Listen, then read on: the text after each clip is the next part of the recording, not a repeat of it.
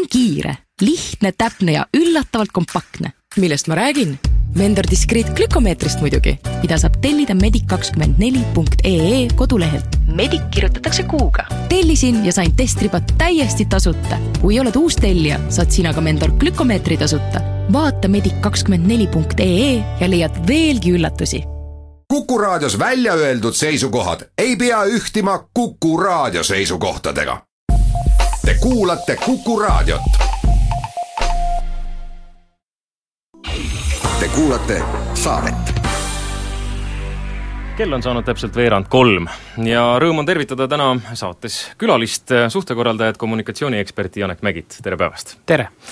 no me hakkame rääkima täna tunni aja jooksul peamiselt erakondade mainetest ja, ja lähtudes nüüd äh, eelseisvast Reformierakonna uue esimehe valimisest, mis seisab ees juba homme.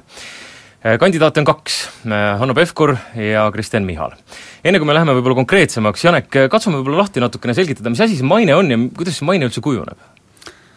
no maine on erakordselt lihtne asi, et mida sinust arvatakse.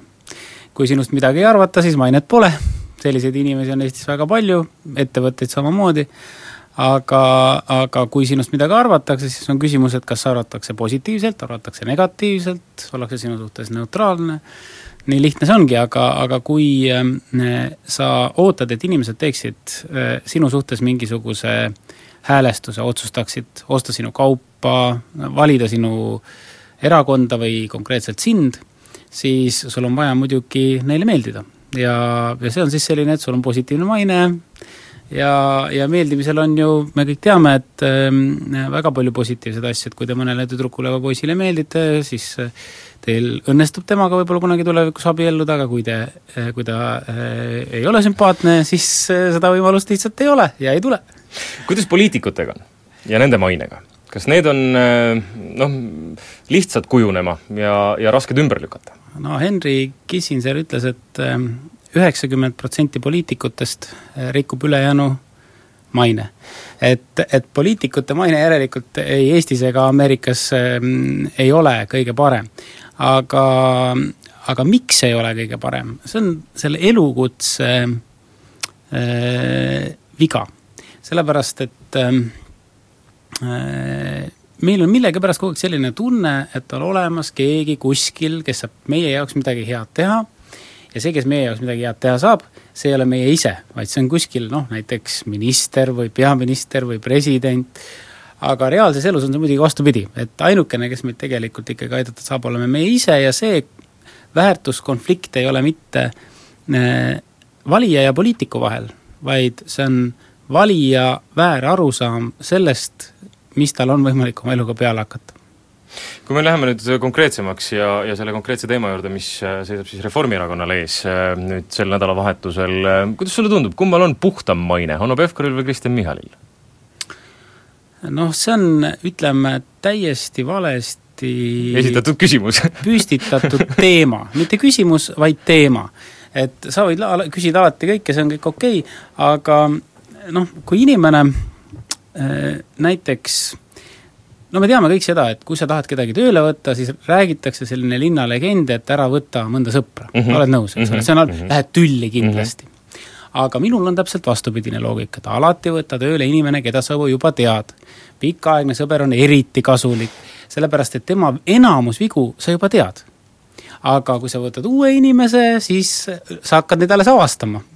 ja, ja siin on nagu täpselt sama asi, et kui on tegus inimene noh, näiteks Kristen Michal, siis ta on väga palju igasuguseid asju teinud, ikka juhtub, et mõni asi läheb nässu, perekonnas on ju täpselt samamoodi niimoodi, et et ega siis noh, kui ma iga tüli peale, mis meil abikaasaga on olnud, oleksin selle kahekümne noh, kõvasti pluss aasta peale lahutanud, siis ma oleksin pidanud ikka iga aasta mitu korda lahutama.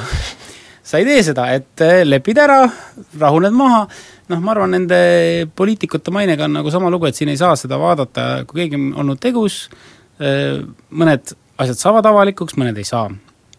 aga noh, ma arvan, et eh, Hanno puhul, ma mõlemat tunnen isiklikult hästi, nii et mm -hmm. kasutan eesnimesid, et Hanno puhul on kindlasti see, et tal on selliseid avalikke ämbreid olnud vähem, mis on avalikkusele tundnud ämbrid. aga Kristjani puhul on jälle see, et tal on neid võib-olla olnud rohkem, aga erakonna sees ei ole neid kõiki küll ämbriteks sugugi mitte peetud, nii et noh, ma arvan, et need, kes konkreetselt selle valiku teevad, näevad neid kahte isikut suhteliselt sarnaselt ja ma arvan, et see valimistulemus tulebki selline noh, ühehääleline piltlikult öeldes ja kumb võidab, ma ei oska öelda. Äh, kui oluline on üldse, noh ütleme, räägime siis mitte nüüd konkreetselt võib-olla Reformierakondadest, era-, erakondadest üldisemalt, äh, kui oluline on neile, kui on ütleme, juhi valimised, mingisugused skandaalid erakonnas, seda musta pesu ikkagi pesta meedia vahendusel, sest seda tehakse väga sageli, eks no, ole? see on ju nii tore et selles mõttes, et noh, minu arust selle kampaania kihvt asi oli see, et et ennem oli Reformierakonnal ainult see ämmaskandaal mm, -hmm. nüüd mhm. on meil ka äiaskandaal. et ja nüüd meil ongi valida, tähendab, mitte Hanno ja Kristjani vahel, vaid ämma ja äia vahel, et kumb teile siis rohkem meeldib. ja see valik, noh, üldiselt ei ole lihtne no me kujutame ette nüüd ütleme, mingisugust suhtekorralduslikku äh, situatsiooni, kes äh, peaksid tegelemagi Reformierakonnaga, siis nende sümbolite peale on väga lihtne mängida ju. et ongi no, ämm no,, on äi, on kilekotid, on sidrunid. ja ei no ega konflikt ongi elus edasiviiv jõud ja, ja need, kes seda mõistavad, saavutavad palju. selles mõttes, et ega näiteks kui sa teed äri, siis sa tahad ju teistelt raha ära võtta. see on ju tegelikult see mõte. ja seal on konflikt sees, inimesed ei taha sulle seda anda. et eh, kui sa võtad meediat, mis uudised on tegelikult huvitavad, noh vaatasime siin aasta lõpus eh, meediakanalite top uudiseid, siis me nägime, et konflikt, veri, pisarad, vangla, kohus, see on tegelikult, mis meile reaalselt korda läheb, mida me märkame. isegi kui teisi uudiseid on oluliselt rohkem. nii et äh, eriti poliitilises kampaanias ma arvan, et konfliktile tuleb mängida ja konflikte on nagu kahte tüüpi. et ühed on sellised nagu äh, klikimagnetid, eks ole, et äh, nagu sisu eriti pole aga teised konfliktid on sellised, kus vaieldakse mingi väga põhimõttelise asja peal, no näiteks võtame seesama äh, astmeline tulumaks, mis ei olegi nagu niisugune must asi, niisugune kole asi, odav, kollane, meelelahutuslik, vaid ongi sisuline küsimus ja noh, sisuline küsimus on ka see, et kas Eesti riik peaks laenu võtma, kui palju ta peaks, kas ta peaks äh, minema nii-öelda Kreeka teed, et äh, anname kõigile hästi palju raha ja siis pärast vaatame, mis saab, või, äh, või tegelikult tuleks kõik raha, mis meil on, panna kuskile seifi ja lasta koid sisse, noh, need olid need kujundid, aga põhimõtteliselt konflikt on igal juhul kasulik ja nii äris, poliitikas, kultuuris, igal pool, kui me loeme raamatuid, need on kõik konflikti täis, kui me käime teatris, kõik on konfliktile üles ehitatud, vastandumine, sest see meid huvitab.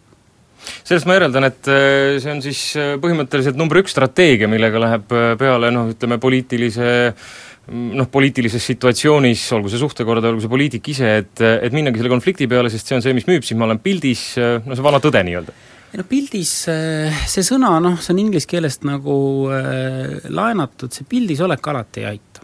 no ütleme, mingil äh, hetkel hakkab see ju kätte maksma, kui sul liiga palju negatiivset seda kumub. ei, ei, ei, ei ole ei nii, ei ole, no võtame Edgar Savisaare, eks ole, et jälle uus skandaal, jälle reiting tõuseb, kuhugi ta ei kukkunud, tähendab, kõik see Edgari Savari, Savisaare ajastul oli niimoodi, et see kakskümmend viis protsenti, mis neil oli, see oli kogu aeg, ja siis jälle tuleb mingi uus skandaal, keegi andis kuskil altkäemaksu, midagi muud sellist väidetavalt, ja, ja siis ajakirjanikud küsivad, ja nüüd, nüüd on see Kolgata tee algus, eks ole, nüüd ta läheb ristile, nüüd on kõik läbi, Keskerakonnaga on lõpp.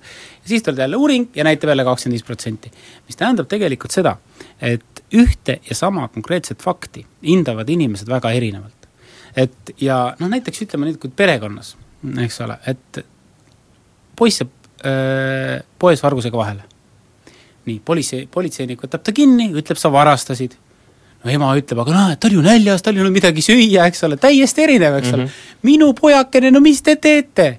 nii et, nii et seepärast ei tasu nagu ühestki konkreetsest uudisest teha liiga kaugele ulatuvaid järeldusi, mis mõju sellel on. ja ma arvan, et kõik need ähm, väga olulised poliitilised sündmused, mis on siin viimase noh, ütleme viimastel kuudel juhtunud, alates presidendivalimistest, valitsuse vahetuseni ja nii edasi, nende mõju me tegelikult hinnata ei suuda.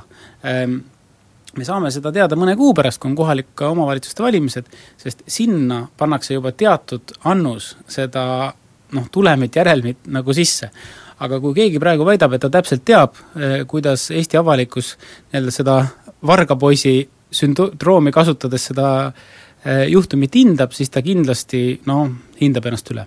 Ma mäletan aastaid tagasi äh, suhtekorralduse loengutes räägiti seda, kuidas on erinevus Ameerika Ühendriikide ja, ja Eesti vahel või üldse Euroopa vahel on see, et äh, kui Ameerikas tekivad mingisugused negatiivsed teemad, siis on põhiline asi spinni. spinni nii palju kui võimalik, ehk siis juhi tähelepanu kõrvale, juhi kuskile mujale. Euroopa on vastupidi, et Euroopa on äh, nagu soodustab pigem seda, et räägi ausalt ära, siis unustatakse ära kas Eesti on jätkuvalt veel noh, kumba nagu näed sina, et meil poliitilises äh, kultuuris nagu esineb? Noh, eh, tark suhtekorraldus toimib kulgemise meetodil. see tähendab seda, et ei ole ühtegi valemit. et see ei ole nagu matemaatika, et kaks pluss kaks on neli ja seal suhtekorralduses on väga tihti, et üks pluss üks on seitseteist. ja, ja vaata, kust otsast tahed, nii on, ja, ja mõnikord võib olla, et üks, üks pluss üks on miinus kaheksa. et sest nä-, ma natuke selgitan ka, et näiteks on kaks omavahel noh, ühiskonnas kindlat sotsiaalset toetust omavat inimest, kes üksikult noh, oma sotsiaalses grupis on edukad ja nii edasi, aga hakkavad koostööd tegema. ja tulemuseks on hoopis negatiivne hinnang, noh praegu võiks öelda, et on väga huvitav hinnata, et mis mis hinnang tuleb IRL-i Isamaa valijatelt koostöös Keskerakonnaga, seda hinnangut me tegelikult ei tea ja võib-olla on see täiesti vale äh, arusaam siiamaani IRL-i poolt, et noh, et, et ei tohi sellist asja teha. et äh, meie valijad nüüd äh, hindavad seda kuidagi väga halvaks, aga võib-olla on vastupidi.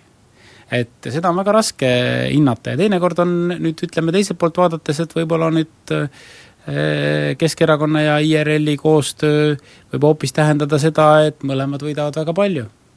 et see võib ka seda tähendada, me ei oska seda hinnata no kui sa ütlesid, et üldiselt poliitikal ongi selline natukene negatiivne maine kogu maailmas, et siis äh, tuleb sulle äkki meelde mõni intsident või juhtum, kus on ikkagi seda negatiivset mainet suudetud Eestis parandada positiivsema poole? no äh, ma arvan, et absoluutselt musternäitaja on Edgar Savisaar. ja noh, temas on muidugi absoluutselt kõik Eesti poliitika näiteid võimalik tuua, aga noh, kui me mõtleme kunagist äh, lindiskandaali, ta kadus ära pooleks aastaks, erakonna esimeheks sai Eh, Andre Veidemann, räägiti, et ta enam kunagi tagasi ei tule, no see ju ei vastanud tõele. Eh, eh, on võimalik loomulikult ja Edgar Savisaarele kuulub ka üks minu arust absoluutsesse klassikasse läinud mõte.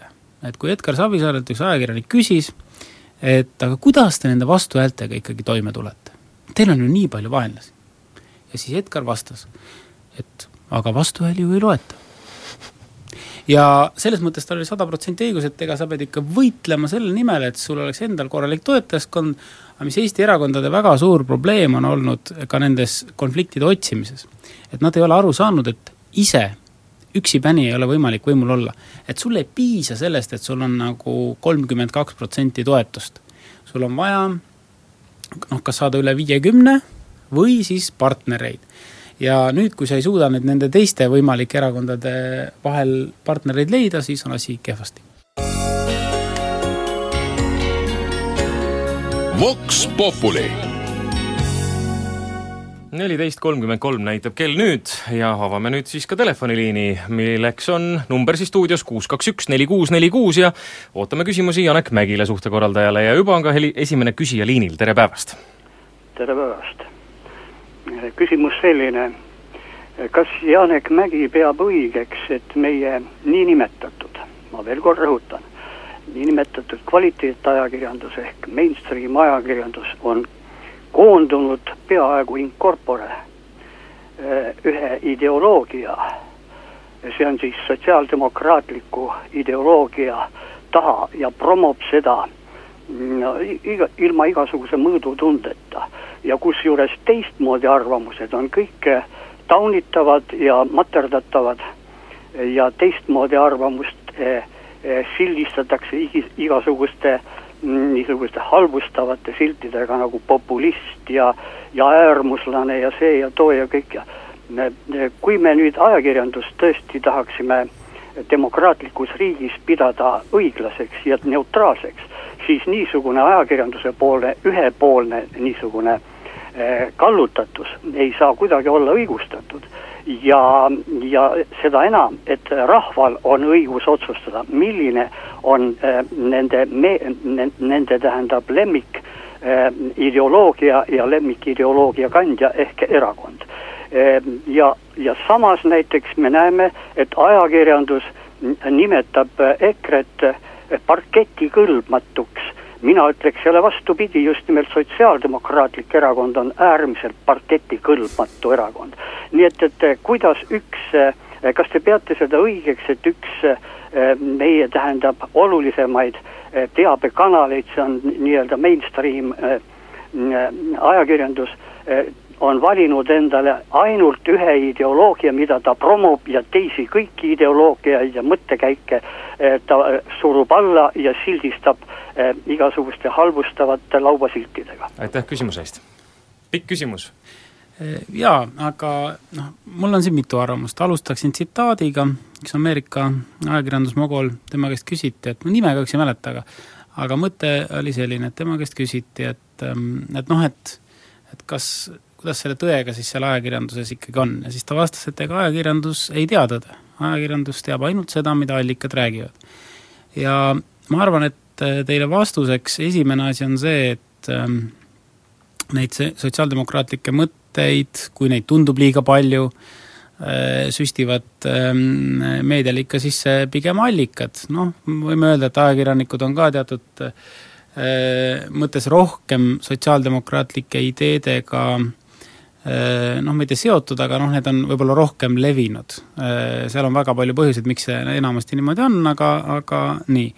aga seda ma küll ei usu, et Eestis ajakirjandusvabadus kuidagi piiratud on, et äh, ma arvan, et ka suhtekorraldajana ma näen, et absoluutselt kõik ideed, kui need on noh, korralikult, viisakalt pakendatud, hästi läbimõeldud, on võimalik Eesti avalikku ruumi tuua, siin ei ole mitte mingisugust äh, takistust, et äh, ainukene takistus on see, et tihti äh, mõned ideed on lihtsalt äh, noh, väga halvasti esitatud. Neid ei ole võimalik aru saada, noh kui sa kirjutad mingisuguse pika äh, viieleheküljelise jutu, mida ajakirjanik peaks nagu neli äh,, neli päeva toimetama, enne kui aru saama, et, et, et, et mis see seal see iva on, siis ta võtab sellise teksti, mis on juba nagu ideaalne, ideaalne ja annab selle käiku, nii et noh, ütleme aga, aga Eesti ühiskonnas sotsiaaldemokraatlikke ideid minu arust kindlasti liiga palju ei ole, selles mõttes inimeste hulgas ja nii edasi ja nii edasi, et seda näitab ju Sotsiaaldemokraatliku Erakonna valimus, valimistulemus läbi pikkade aastate, et noh, seal kuskil viisteist protsenti suurusjärk, ma ei taha liiga teha, aga umbes sellises suurusjärgus eh, enam-vähem see toetus kogu aeg on olnud ja ja, ja ega seda sealt eriti ülespoole nihutada ei ole õnnestunud. võtame järgmise küsimuse, kuus, kaks, üks, neli, kuus, neli, kuus on helisenud, tere! tervist, head eh, kolmekuningapäeva! Eh, Jaak Lagermann siit Jõhvi vallast tervitab Janek Mägi ja teie olete aktiivne poliitikuvaatleja, lisaks suhtekorraldusele loen teie huvitavaid artikleid ja mind ikka vaevab üks küsimus, et eh, ma mäletan, kui kaks tuhat kolm tuli Res Publica äh, nagu tähelennuna võimule, siis oli põhjus lihtne, nad äh, vastandusid äh, Keskerakonnale, et ka Savisaar ei saaks võimule. see õnnestus. aga mind huvitab väga, et äh, mis siis juhtus teie kui poliitika ja vaataja suhtekorraldaja silmade läbi, et tekkis üldse Vabaerakond. et mis oli see põhjus? Nende juurte juurde minna, et eh, kas teil kõrvaltvaatajana on oma arusaamine ja nägemus sellest? aitäh küsimuse eest! aitäh teile! Ehm, kahe, ühe, kahe sõnaga vastates on vastus lihtne, peretüli. et äh, mina ei suuda praeguseni äh, Vabaerakonda ja IRL-i või Isamaad seda kuidagi nagu ülemäära eristada. ja ma ei imestaks, kui nad nüüd lähenevatel või Riigikogu valimistel äh, noh, veelgi lähenevad, ütleme niimoodi, ma ei imestaks seda.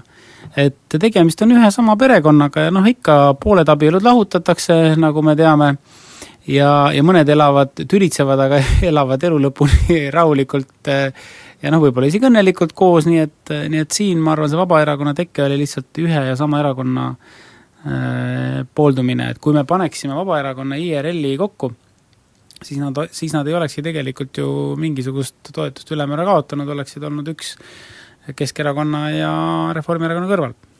kuus, kaks, üks, neli, kuus, neli, kuus on taas helisenud, tere!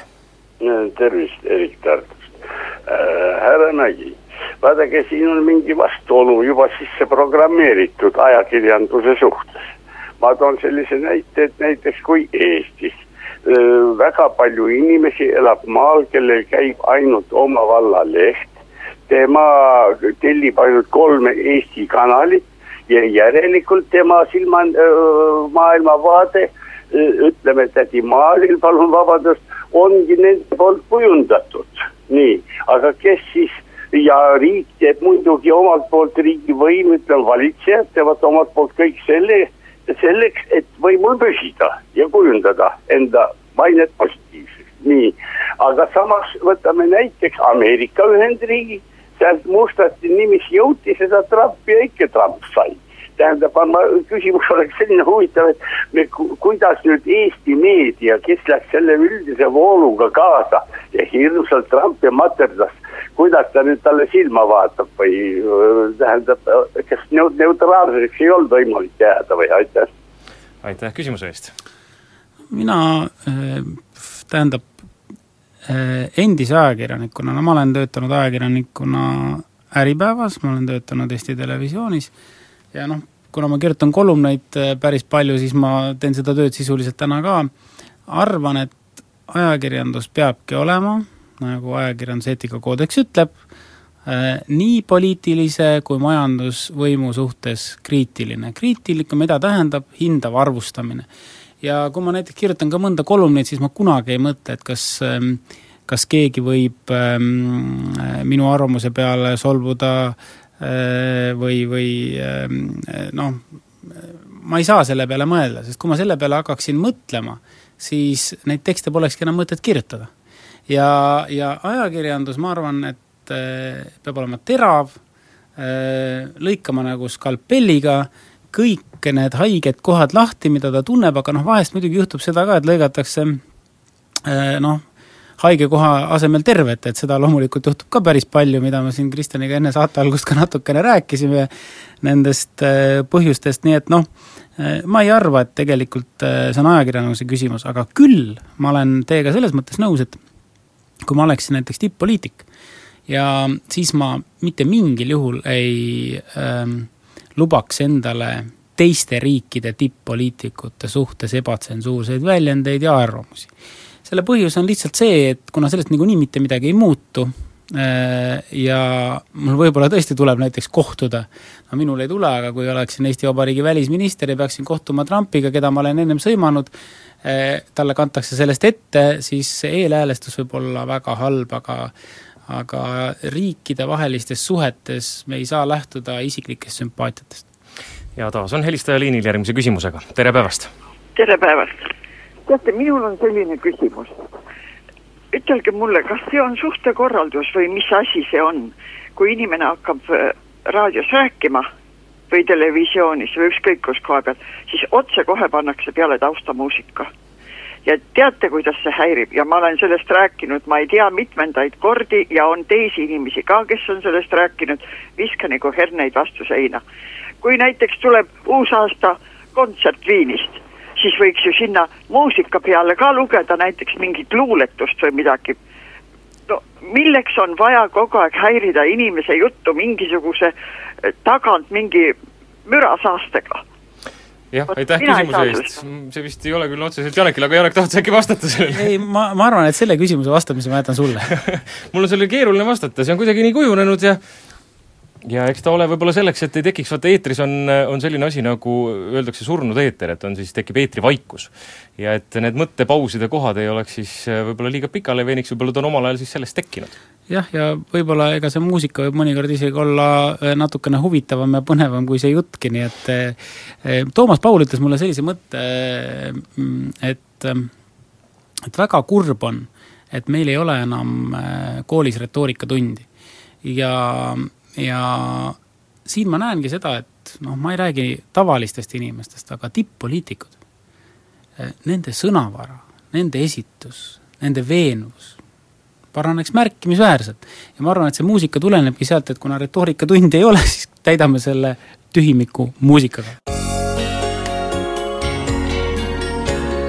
Vox Populi neliteist nelikümmend seitse on kell ja jätkame küsimustega tänasele saatekülalisele, suhtekorraldajale Janek Mägile ja telefoninumber kuus kaks üks neli kuus neli kuus on juba helisenud järgmine küsija liinil, tere päevast! tere! härra Mägi on suhtekorraldaja. aga kas on ilus suhtekorraldajal öelda et, et kaheksakümmend protsenti Eesti inimestest on saamatud ja näljased. nii härra Mägi kirjutas Õhtulehes möödunud aasta lõpus. aitäh küsimuse eest!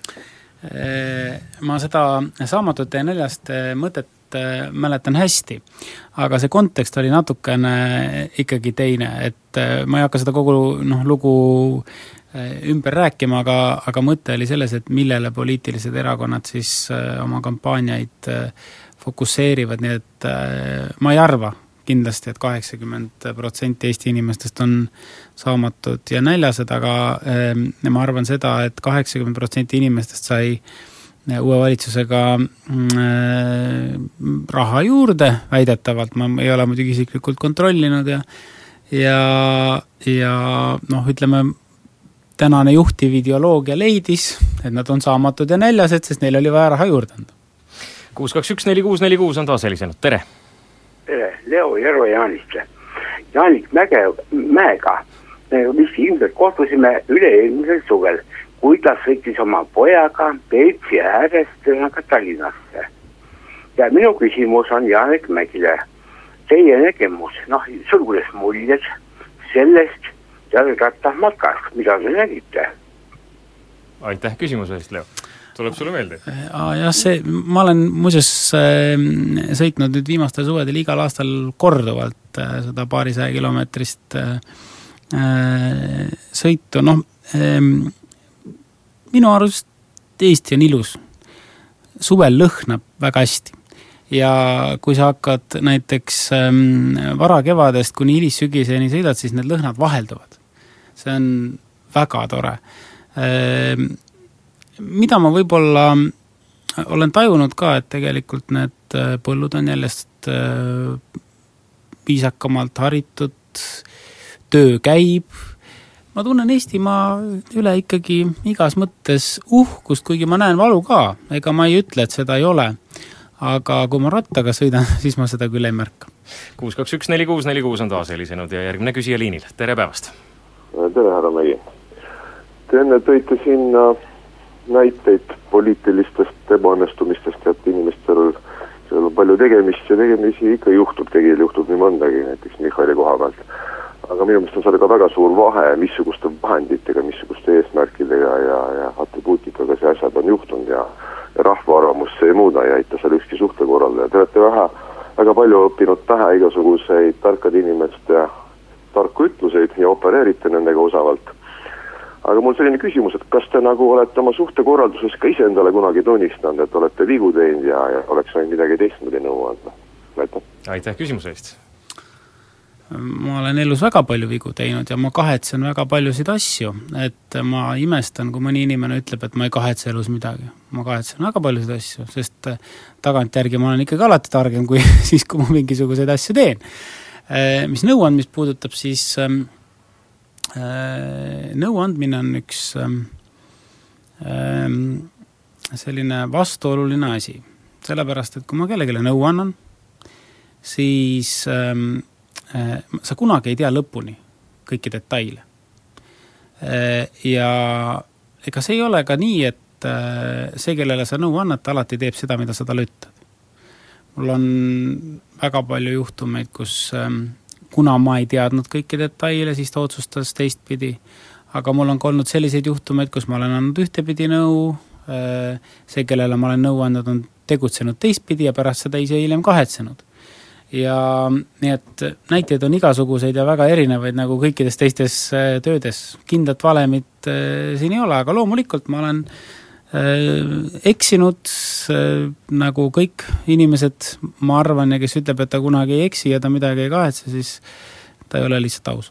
kuus, kaks, üks, neli, kuus, neli, kuus on taas äh, helisenud, tere! no tervist! ma tahaks Janeti käest küsida, vaadake, Mihhaili ja siis selle Pevkuri kõnet te kindlasti seda oma kampaanias olete kuulnud, seal Vikerraadios oli vist üks päev siin. ja et no, no mina, mina ei ole Keskerakonna ega Reformi valija. aga ma, ma kuulasin see, no see jutt on, see oli mitu aastat tagasi üks seesama mantra mõlema, mõlema poolt.